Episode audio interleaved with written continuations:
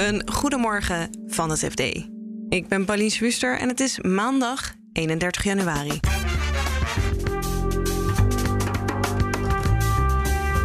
Op de beurs is er een draai aan de gang. Van flitsende techaandelen naar saaie waardeaandelen.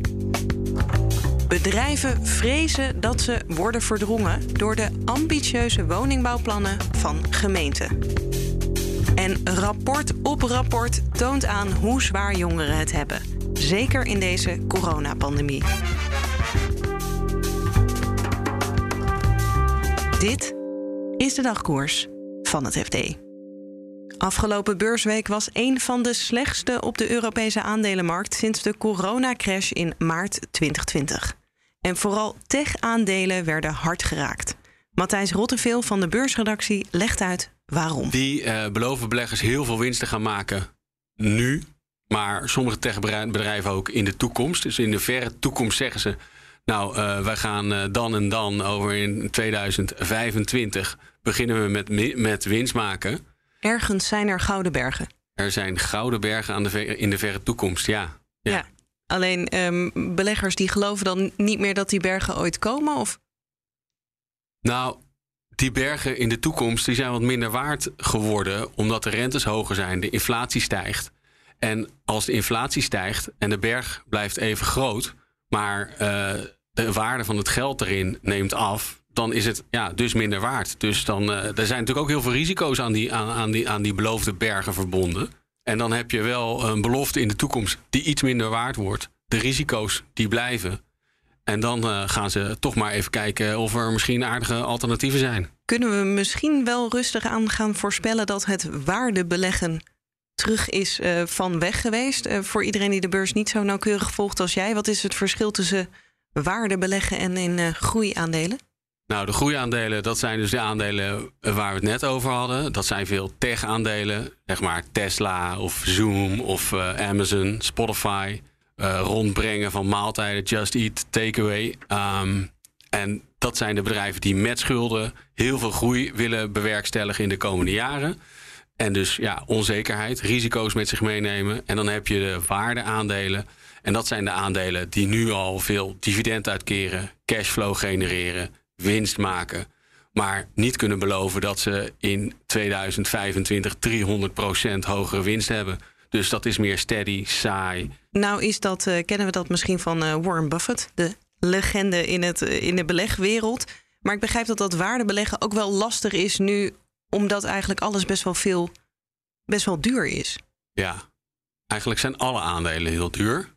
Omdat de centrale banken, nou ja, omdat het zou zomaar kunnen zijn dat dat mede komt doordat de centrale banken heel veel geld hebben gepompt in de economie. Dus de beurzen hebben het afgelopen tien jaar gewoon heel goed gedaan. Alleen uh, ja, de, de groeiaandelen, de technologieaandelen, nog wat beter dan, dan de waardeaandelen. Maar het is, al, het is over het algemeen genomen gewoon wel duur om, om te beleggen nu. Je betaalt ja. meer voor de verwachte winst dan, uh, dan uh, tien jaar geleden. Ja, en de, eigenlijk de grote winst die er te behalen valt met beleggen in saaie bedrijven, is dat je een saai bedrijf vindt die een koopje is en het dan daarna best wel goed gaat doen. Ja, als uh, alle beleggers achter Zoom en Amazon aanrennen en ze willen eigenlijk niet in, in Shell of Unilever of Ahold beleggen, omdat die wat minder winstgroei beloven ja, dan zijn die laatste aandelen misschien ondergewaardeerd. Uh, worden een beetje over het hoofd gezien. De banken, kijk naar ABN AMRO, ING. Ja, daar, daar, daar, dat waren niet de aandelen waar je beleggers de afgelopen jaren euforisch over hebt horen praten. Door grote ambities van gemeenten om woningen te bouwen, komen ook de bedrijventerreinen in beeld. Ondernemers vrezen dat ze verdrongen worden, vertelt Nelleke Trappenburg, redacteur vastgoed en woningmarkt. Ja, er is niet zoveel ruimte meer, vooral in de Randstad niet. Dus uh, uh, kijken ze toch steeds vaker naar bedrijventerreinen. Ja, en die bedrijven die daar zitten, die, ja, die worden op hun beurt weer overvallen met dat er ineens woningen zijn gepland. En waar moeten wij dan naartoe? Is er dan wel een plek voor ons? Worden ze echt al verdreven of zijn ze bang dat ze misschien weg moeten? Ze zijn bang dat ze de dupe worden van, van, die, van die woningbouwplannen. Ze voelen dat die gemeenten heel veel moeten bouwen. Ehm, in sommige gevallen zijn natuurlijk echt wel concrete plannen. Uh, die ondernemers in de Achtersluispolder die hebben gewoon een manquette gezien waar de woningen zijn geplaatst zeg maar, op hun bedrijventerrein. Maar ik heb ook uh, een ondernemer gesproken in Den Haag op een bedrijventerrein waar nog niet concrete plannen zijn. Maar ja, zij voelen natuurlijk dat die gemeente onder druk staat om te bouwen. Dus die ondernemer zei, er staat ook nergens expliciet dat er geen woningen komen. Dus uh, ja, ze zien dat toch als een dreiging. En is het dan zo dat de gemeente ook zegt dat ze vinden dat die bedrijven weg moeten?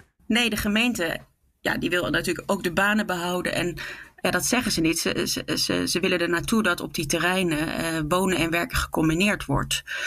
Ja, we hebben de wethouder in Amsterdam gesproken en die, en die zei ook van ja, als je naar sommige van die bedrijventerreinen kijkt, dan die zijn één laag, zijn grote parkeerterreinen ja, daar is gewoon niet, niet meer de ruimte voor. Dat moet gewoon efficiënter. Uh, er moeten gewoon meer bedrijven dichter. Ja de, ja, de ruimte moet gewoon beter gebruikt worden. Dan kan er ook weer ruimte komen voor woningbouw. Als je dan die bedrijven spreekt op die terreinen, ja, die, eh, die zijn huiverig. Als je bijvoorbeeld de, als de vrachtwagens bij jou aan en afrijden, dat, dat zie je gewoon niet gecombineerd met in een woonwijk. Waar gaat dit dan op neerkomen? Is het zo dat gemeentes die bedrijven echt weg kunnen sturen en dat ze dan weg moeten? Of gaan ze dan misschien zelf weg omdat ze overlast vrezen? Ja, de gemeente zegt dan dat ze dan in overleg gaan. Het zal ook afhangen van hoe het geregeld is. Als zo'n bedrijf natuurlijk een, een huurcontract heeft bij een vastgoedeigenaar. Ja, die vastgoedeigenaar heeft misschien best wel oren naar om zijn grond te verkopen aan een projectontwikkelaar die daar woningen wil bouwen. Als, als de grond wel in handen is van, uh, van het bedrijf zelf, ja, dan zullen ze, zullen ze uitgekocht moeten worden als, als er geen mogelijkheid is om verder te gaan op zo'n terrein. Maar de gemeente hoopt ook dat ja, bedrijven hun bedrijfsvoering aanpassen, dat het toch mogelijk is dat er woningen ook in de buurt staan. Ja, en is er eigenlijk plek om, stel dat ze wel weg moeten, waar ze dan heen kunnen? Ja, dat is nog wel een lastige discussie dan. Bijvoorbeeld ORAM, een ondernemersvereniging in Amsterdam. Ja, die maakt zich daar druk om, want die zegt daar is eigenlijk veel te weinig aandacht voor. Waar moeten die bedrijven dan naartoe? Die zitten onder andere met Havenstad. Dat is een project in, in het westelijk havengebied in Amsterdam. Daar moeten 70.000 woningen komen.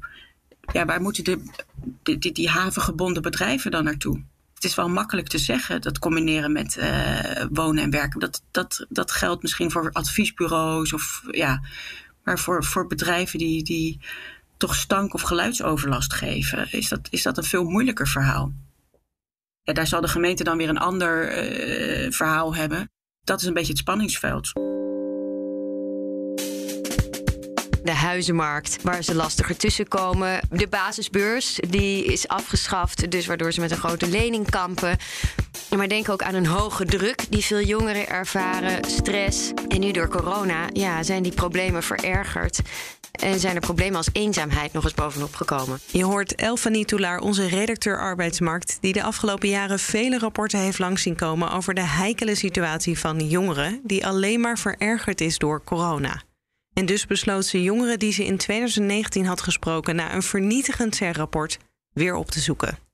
De eerste is Roos. Die eh, ging toen net eh, beginnen met een studie communicatiewetenschappen. En die had verteld over hoe ze kampte met stress. Die had al vanaf de veertiende was ze bezig met cv-building. En uh, had Sanne. Die woonde in een wijk, in een huurhuis in Utrecht... waar ze eigenlijk niet wilde wonen. En die wilde heel graag een koophuis. En dat wilde allemaal niet lukken. En die heb ik dus nu opnieuw benaderd. Van wat hebben de afgelopen jaren... hoe hebben die jouw leven beïnvloed? En? Roos die is gaan studeren. Heeft een halfjaartje fysiek college gehad... en zit sindsdien min of meer thuis. Zij is getrouwd. Ze is uh, christelijk en heel jong getrouwd. We woont in een piepklein studiootje. En haar vriend die studeert ook. Maar die moesten zaten dus heel vaak met z'n tweetjes thuis. En moest er één in de badkamer, want ze hebben maar ruimte voor één bureau. Nou, die werd helemaal gek af en toe. Ja. Sanne, die zit nog steeds met haar vriend in dat huurappartementje in uh, Utrecht. Die willen heel graag kopen. Zij is aan promoveren bijna klaar. Heeft een goede baan gevonden in Amsterdam, waar ze straks begint, bij de Nederlandse Bank. Haar vriend werkt ook als data-analyst in Amsterdam. Dus je zou zeggen, nou, prima inkomens. Ja. Maar ze zegt, ja, Amsterdam, daar gaan we niet eens aan beginnen, want ze willen heel graag een huisje met een piepklein tuintje. Ja. Ja, nee, dat is te veel gevraagd. Voor Amsterdam, voor Utrecht, dus die gaan nu maar ergens in Amersfoort. Hopen ze dat ze iets kunnen vinden. Maar nou hebben we dus eigenlijk al 2,5 jaar minstens aan rapporten en verhalen over dat het zo zwaar is voor jongeren. Hoe moet dit nou verder? Zijn ze er nou serieus mee bezig om hier iets aan te veranderen? Of? 2019 kwam er dus een heel dik rapport uit. Toen kreeg het heel veel media-aandacht. En uh, het werd overal in politiek Den Haag gezegd: Oh, die arme jongeren, we moeten er wat mee. Ze hebben steun nodig. Nu is het twee jaar, tweeënhalf jaar later. En uh, is er van die beloftes niet zo heel veel terechtgekomen. Ik heb het regeerakkoord erop nageplozen. Ja, er wordt van alles gedaan voor jeugd, maar dat gaat dan voor, bijvoorbeeld wel over jeugdzorg, echt over de aanpak van jeugdcriminaliteit. De basisbeurs wordt natuurlijk wel weer ingevoerd. Dus die studielening die, uh, ja, is voor de generatie die ik hier heb geïnterviewd uh, nog wel een feit, maar voor de jongeren van de toekomst niet meer.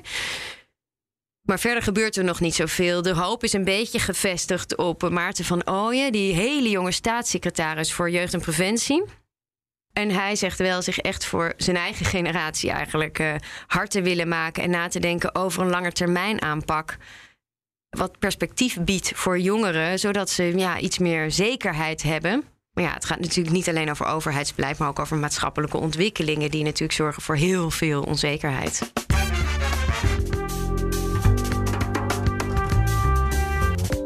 Dit was de dagkoers van het FD.